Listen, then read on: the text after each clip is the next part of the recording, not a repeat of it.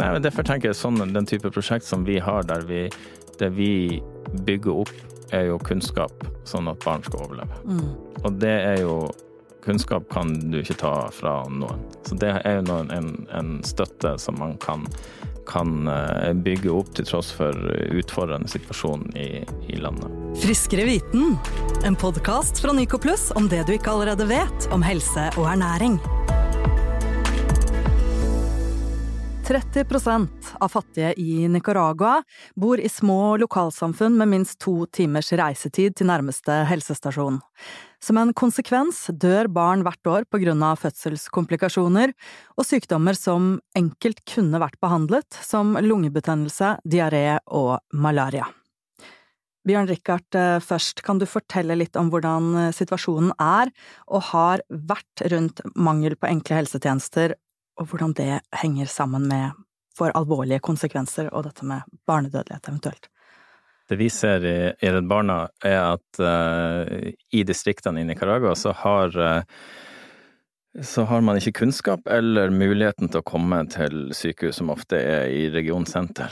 Og det vi uh, så og prøvde å finne en løsning på, var hva kan lokalbefolkninga gjøre sammen med Redd Barna for at barn kan overleve en sånn kritisk situasjon. Mm.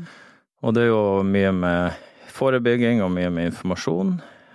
Og også det å kunne ha eh, fødsler i, i, trygge omgivelser, som, eh, som, er noen av hovedpunktene som, som vi har sett i Nicaragua. Mm. Hanne Lotta, vil du legge til noe mer? Jeg kan jo legge til litt om eh, barnedødelighet generelt i verden. For det viser seg at av de barna som dør eh, mens de er barn, altså før de er 18 år, 90% av dem dør eh, når de er under fem år. Sånn at eh, aldersgruppen, barn i aldersgruppen 0 til 5 år er ekstremt eh, sårbare. Og man måler jo også barnedødelighet med antall barn som dør før fylte fem år per tusen barn som blir født. Og de siste 25 årene i verden så har barnedødeligheten sunket med uh, omtrent halvparten, sånn at uh, situasjonen har uh, bedret seg, og også i Nicaragua. Men likevel så dør det 15 000 barn hver dag av sykdommer som veldig enkelt kunne blitt forhindret. Og noen av de viktigste årsakene til barnedødelighet er nettopp diaré, malaria, lungebetennelse, for tidlig fødsel og komplikasjoner under fødsel. Og aller fleste av disse dødsfallene kunne vært forhindret med gode forebyggende tiltak eller riktig oppfølging og behandling. Og derfor er det så utrolig viktig at det finnes helsehjelp til barn i nærheten av der de bor, sånn som Bjørn Richard snakker om. Eh, så når barna er syke, at de raskt kan komme og få helsehjelp og at de kan bli henvist til andre, til sykehus eller lege lenger unna hvis de har behov for det. Og det er jo det arbeidet vårt i Nicaragua handler om. Mm. Går det an å si noe mer om hvor bakgrunnen for at situasjonen er akkurat som den er i Nicaragua? Nicaragua er jo det nest fattigste landet i, i Latin-Amerika.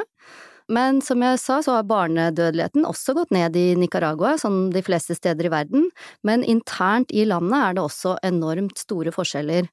Og i Nicaragua er det en vanskelig økonomisk situasjon, en vanskelig politisk situasjon, og covid kom og forsterket både økonomisk krise eh, og, folks situasjon, og det har ført til en stor økning i fattigdom og ekstrem fattigdom blant befolkningen, og igjen så går jo det ofte mest utover barna, som er de mest sårbare i samfunnet.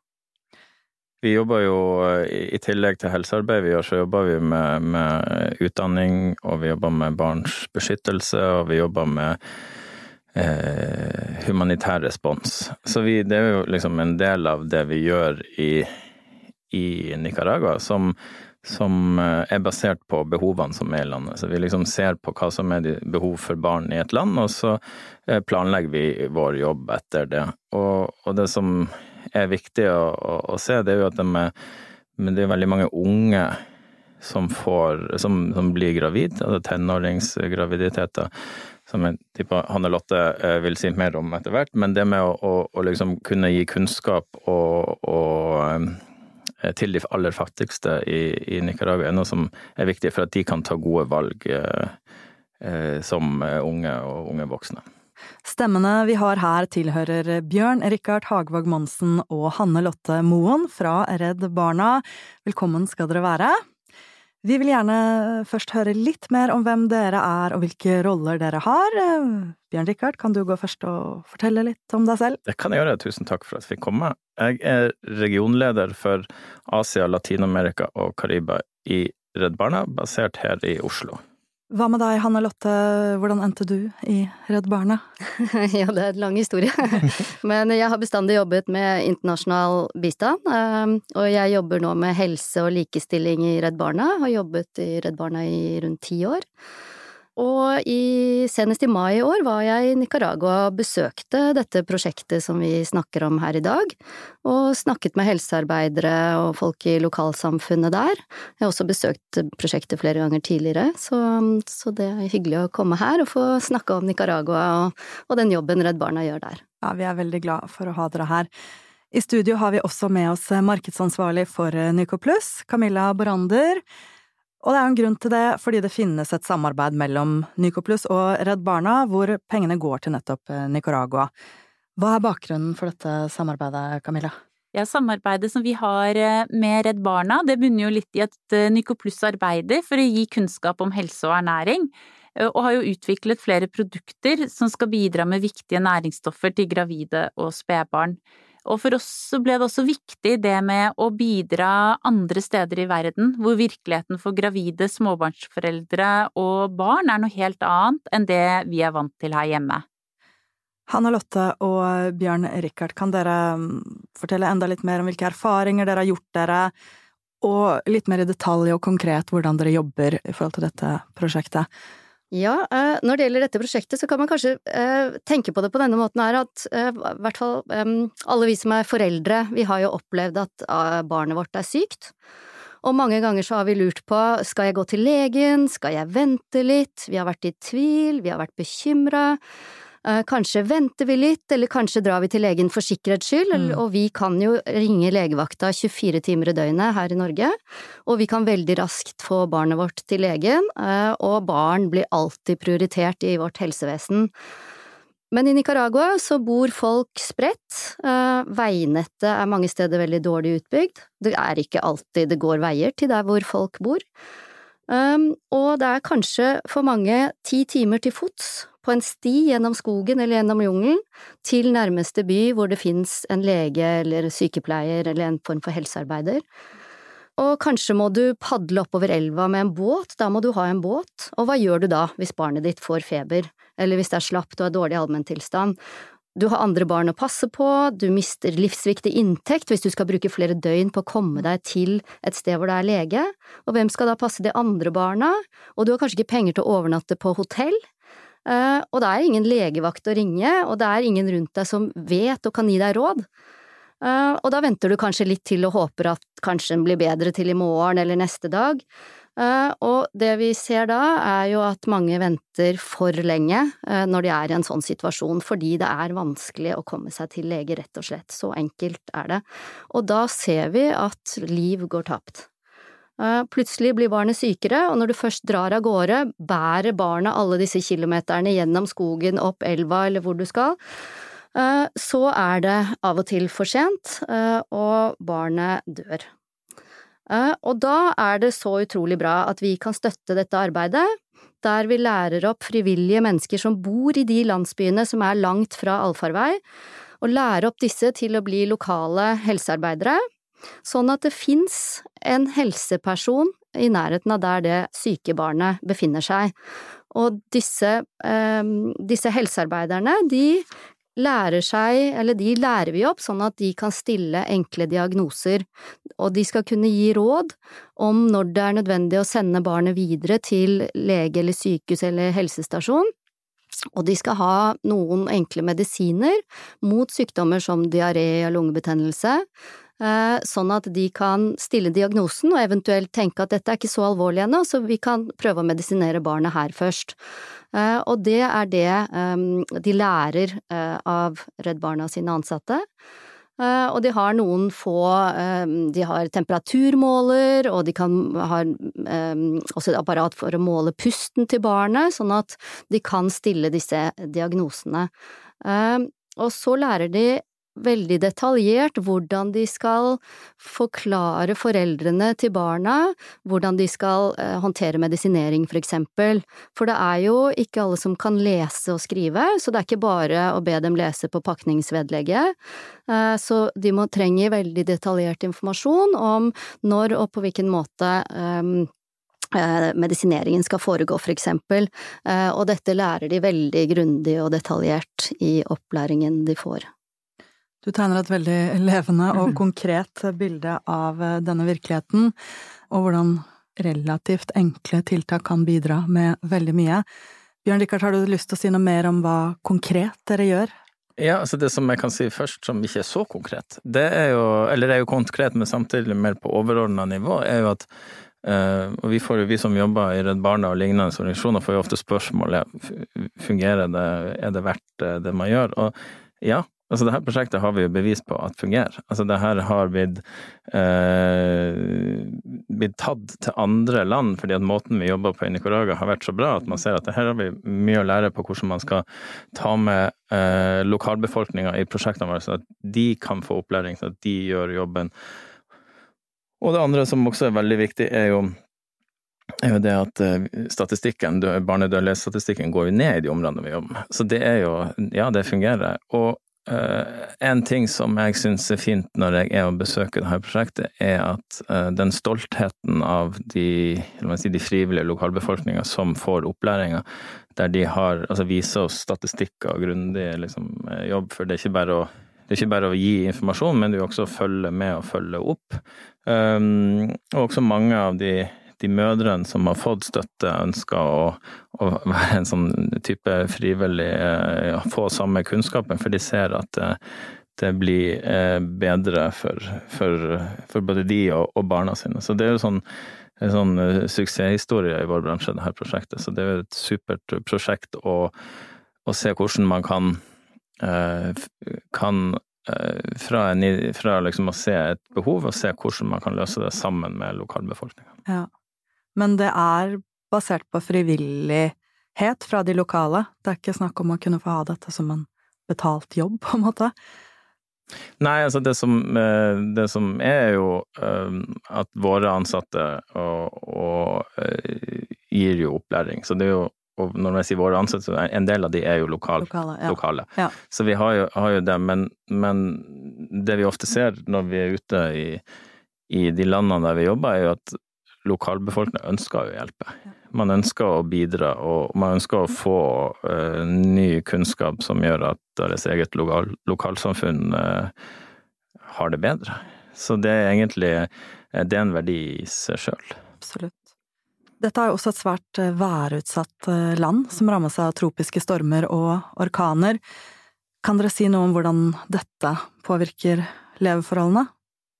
Ja, det kan vi gjøre. Og det er jo er, vi er jo midt i uh, Nå på sommer og høst det er midt i, uh, i orkansesongen i, i uh, Karibia. Og, og, først må jeg jo si at de landene i området som får orkaner og, og nedbør, de er jo vant med det. Det er jo noe som de har hatt, hatt mye av. Så det som vi, vi har jobba mye med i Nicaragua, er hvordan man kan forebygge og også planlegge for.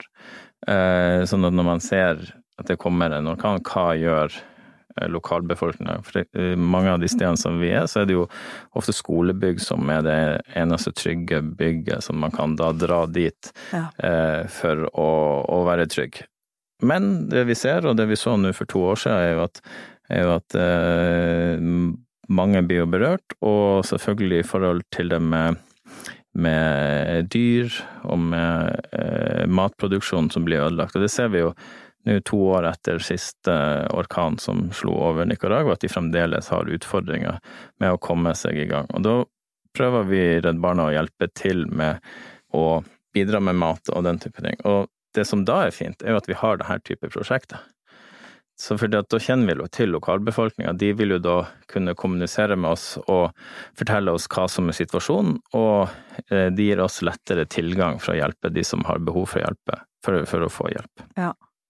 Hanne Lotte, sånn eh, generelt, hva er det du brenner mest for i, i jobben din? Ja, det er jo mange ting, men sånn som Det er jo veldig gøy og inspirerende å se at det arbeidet vi gjør, gir resultater. Uh, ofte så kommer jo resultatene etter at vi jobber i veldig mange år, og det kan være mange faktorer som bidrar til at man får en ønsket utvikling, så mye av det vi gjør er veldig langsiktig, og det er ikke alltid så tydelig uh, de konkrete resultatene, men derfor så er det så gøy med et helseprosjekt som dette prosjektet her, hvor vi, uh, som har blitt sagt her, hvor vi helt fra starten av har sett en veldig stor og rask bedring av barns helse, og en sterk nedgang i barnedødelighet barnedødelighet i de områdene hvor vi har disse prosjektene. Og det tenker jeg at inspirerer og motiverer meg veldig i mitt arbeid, når vi ser så konkrete resultater som vi gjør her. Ja.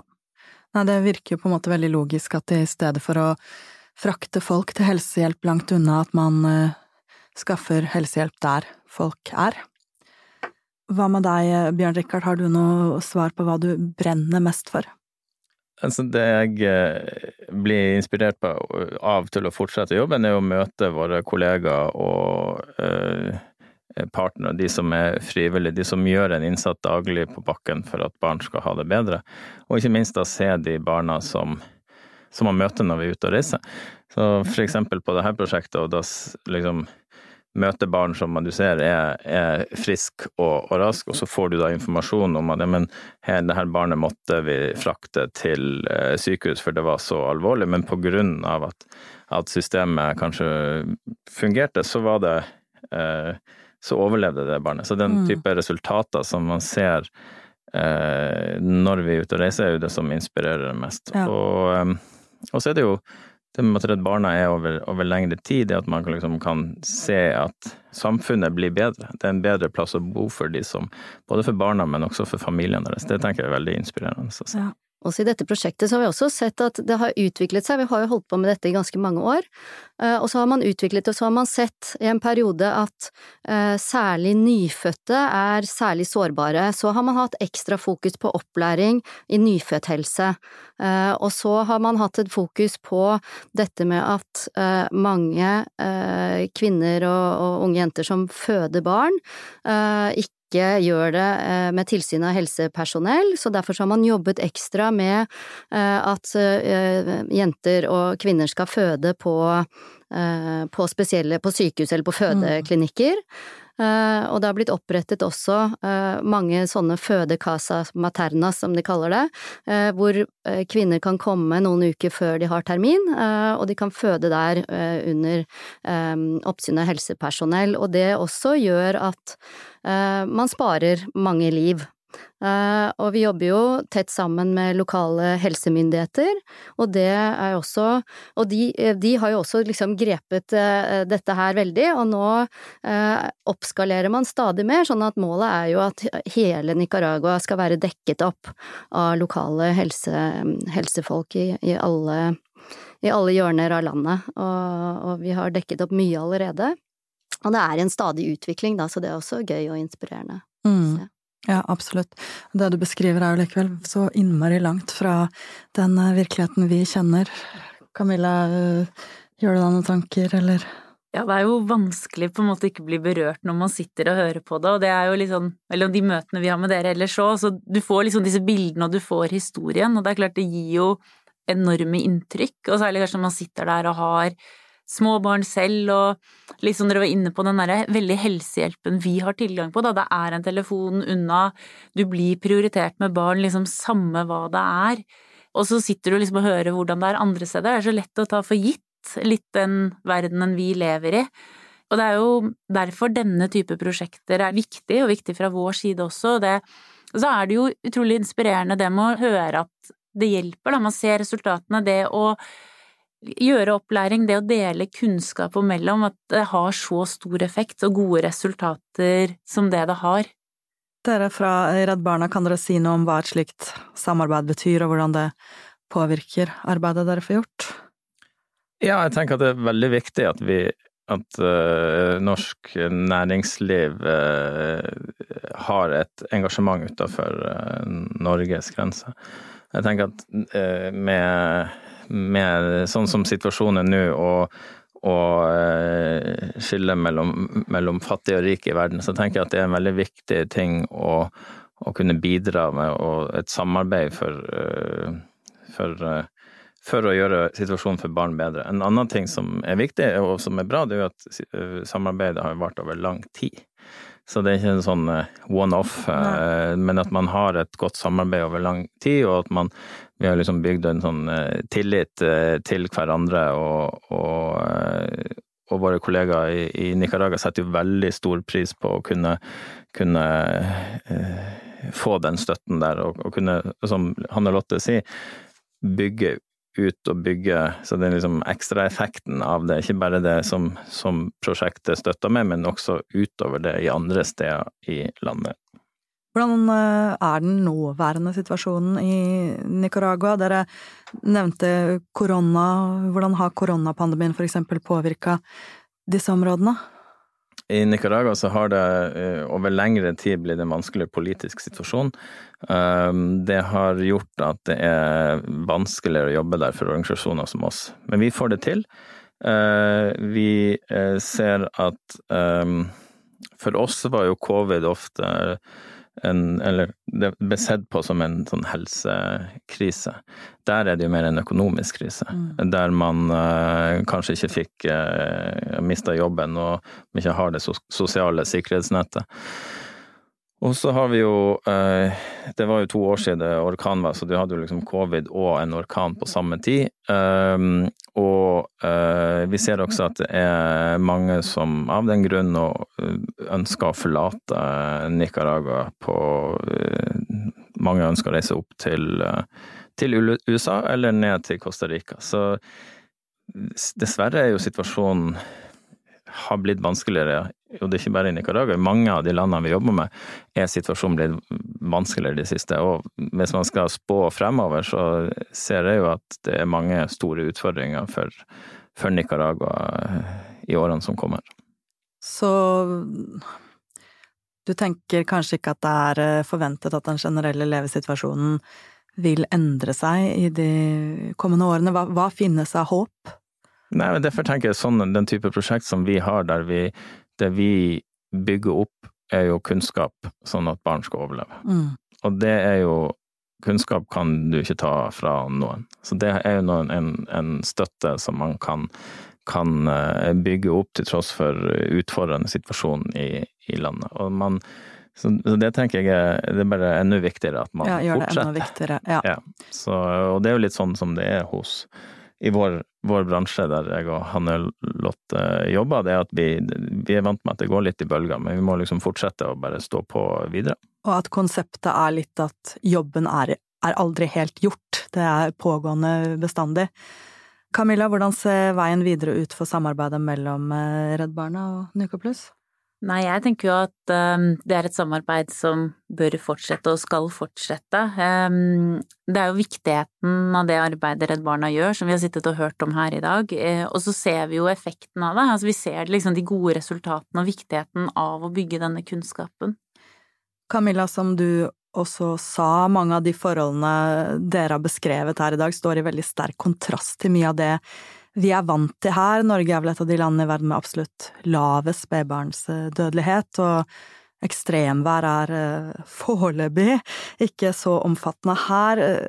Hvordan reflekterer dere, eller hva jeg skal si, over disse forskjellene når dere står så tett på det i jobben? Hanne Lotte? Ja, nei, jeg tror alltid at uh, vi har mye å lære av nettopp møtet med andre land, andre deler av verden, andre kulturer. Det setter jo ting veldig i perspektiv. Uh, og jeg tenker at uh, ja, ikke alt er perfekt i Norge heller, men vi har jammen veldig mye velferd uh, her hos oss, sammenlignet med hva mange har andre steder i, i verden. Våre barn dør veldig sjelden av diaré eller lungebetennelse. Eh, vi har alltid kort vei til lege og helsehjelp, og det tenker jeg jo at vi skal sette pris på. Vi skal ikke ha dårlig samvittighet fordi vi har det bra eller sånn, men vi skal være takknemlige for det helsevesenet vi har, og at vi kan være ganske sikre på at barna våre vokser opp og overlever til de er voksne med den beste helsehjelpen vi kan få hvis det skulle være noe. Så jeg tenker at det er kanskje litt viktig at vi eh, ikke tar det for gitt, for sånn er det faktisk ikke ikke for alle. Nei, jeg er så opptatt av sånn ulikheten i fødetilbudet i Nord-Norge og eh, i Oslo, på en måte, og det kan man jo fortsatt være opptatt av, men det, det setter eh, ting i perspektiv virkelig likevel. Um, Bjørn Rikard, har du noen siste tanker rundt det? Nei, jeg tenker jo at det, uh, jeg er helt enig med Anne Lotte, man skal ikke ha dårlig samvittighet, uh, men det er viktig at man uh, setter seg inn i og forstår hvordan livet er for andre i andre steder og, og liksom se hva slags uh, utfordringer som, som, er der i forhold til situasjonen i, i Norge. Og så er det jo det som er fint med, med oss, med jobben som, som, Redd Barna gjør, er jo at, um, at, vi, at vi prøver, i tillegg til å hjelpe et, hvert enkelt barn, så prøver vi også å endre systemer og strukturer med å liksom påvirke og, og presentere gode eksempler som, som, myndighetene i de landene vi jobber med, kan ta inn hos seg. Og det tenker jeg, her er jo akkurat et av de prosjektene der det har fungert. Der vi har vist gode resultater til myndighetene i Nicaragua. Og de sier det her, det er jo, det her er jo bra for oss, det her er jo noe som vi ønsker å jobbe tett sammen med dere på. Så um, jeg tenker at uh, når du nevner det med, med fødetilbud i Nord-Norge og, og, og, i Oslo-området, så er det jo Det kan faktisk sammenlignes litt med at Hvor er du fra? Jeg er fra Lofoten. så der har det vært mange, som, mange venner som har gått i eller vært i, protestert mot, eh, mot fødetilbud og blitt flydd til Bodø for eh, to uker før de, de skulle føde. Så, så, det, sånn sett så kjenner man jo litt igjen eh, i forhold til den situasjonen som enkelte i Norge må, må, må oppleve. Men, men, det er jo det som um, Da må man jo tilpasse den situasjonen som er der og da. Vi kan jo ikke endre alt, men det med å endre noen ting for de som, som bor der, og for at de også da ser at det er naboen eller det er de man kjenner som, eh, som hjelper til. Det tenker jeg også er veldig viktig. Den nærheten av støtten de får, tenker jeg er veldig viktig. Og så er det jo ofte sånn at i de landene vi jobber med, at det er de fattigste som ofte får flest eh, barn. Mm. Og det er jo litt interessant med det prosjektet her, med, at, med å, å, dele informasjon og uh, forståelse for uh, hva skal jeg si, hvordan ting fungerer. At det kan gjøre at, uh, at uh, man får en, et antall barn som de klarer å, å ta vare på på en god måte. Uh, så det tenker jeg er veldig fin med det å kunne dele kompetanse, så, så ja, gjør det at Er det noe konkret dere gjør i forhold til akkurat det? Ja, altså vi informerer jo om altså, det, det, Og det som Hanne Lotte sier, det at, at man har man har lite kunnskap. Man forstår det ikke. Altså, du er jenta på 13-14 år som er gifta med en mann på 20. Mm. Uh, og kanskje de er fattige bønder som ikke har kunnskap om hvordan altså graviditet og seksualitet. Mm. Uh, så med det at det er noen lokale som man kan snakke med som er trygge, en slags som vi kan si helsesøsteraktig ja. uh, ordning, så, så, gjør jo det at man man forstår mer hva det er som eh, Hvordan ting fungerer. Ikke om du har noe til, tillegg Nei, men på det? I, ja, i forlengelsen av det du sier, at man kan få prevensjonsveiledning for eksempel, og få tilgang til, til prevensjonsmidler for eksempel, som, mm. uh, som, ikke er så lett å få tak i når du le, lever i en landsby langt uh, av gårde fra, fra, andre ting, så, fra andre deler av landet. Så det er uh, sånne enkle ting. Det er ofte ikke så, trenger ikke å være så komplisert, men som Bjørn Rikard snakker om, det handler om å dele kompetanse, erfaring, Eh, tilgang til informasjon eh, som kan gjøre livet bedre eh, og enklere for mange mennesker, og for barn og unge som vi særlig er opptatt av, da. Ja. Vi er i ferd med å runde av etter hvert. Jeg vet ikke, Er det noe mer dere har tatt med dere hit i dag, eller har, noe, har dere lyst til å dele en enkelt historie som har gått inn på dere, eller er det noe mer dere vil ha med eh, fra det viktige arbeidet dere gjør? Ja, nei, vi har, vi har jo mange enkelthistorier. Det som jeg syns er fint å se, det er den stoltheten de frivillige, altså de som jobber er med prosjektet, viser. Mm. Så når man besøker de, så er det liksom Jeg har vært eh, i Jeg vet ikke om vi har kjørt fire timer fra den byen der eh, sykehuset var, og, og på ei eh, skole, slitt skole, og, og det var liksom eh, da drev de med å veie Altså, de veide barn for liksom, å måle underernærte barn. Ja.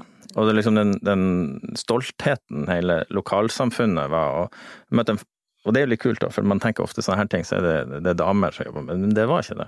Det er både damer og menn som jobber det, og, og, og, en far som egentlig hadde liksom så stolt for Nå har sønnen hans også blitt en sånn frivillig som kan hjelpe til, fordi at de ser liksom det at lokalsamfunnet eh, får det bedre. Og det er jo litt sånn forskjellen med når jeg reiser som mann og når Hanne, Lotte reiser som kvinne, så får vi litt ulike Vi snakker med, ofte med andre, andre personer og får litt ulike innspill. Så akkurat det syns jeg var litt fint med den der eh, Man tenker at latinomannen skal være litt macho og litt sånn her, men han var sånn, så stolt av sønnen sin som uh, hadde liksom fått opplæring og, og hjelpa da Eh, både jenter og gutter. Og det, ja. det er jo noe med positive mannsrollefigurer i sånn, den type machokulturer er jo kjempeviktig for å kunne få endring for, for jentene. Eh, ja, det er også veldig interessant. Man kanskje ikke tenker på først. Jeg vil takke dere for en eh, veldig fin samtale. Bjørn Rikard Hagvåg Monsen og Hanne Lotte Moen fra Redd Barna. Det har vært veldig interessant å høre om arbeidet dere gjør. Tusen takk for at dere kunne komme. Og takk for at eh, du hørte på. Ha det riktig så bra.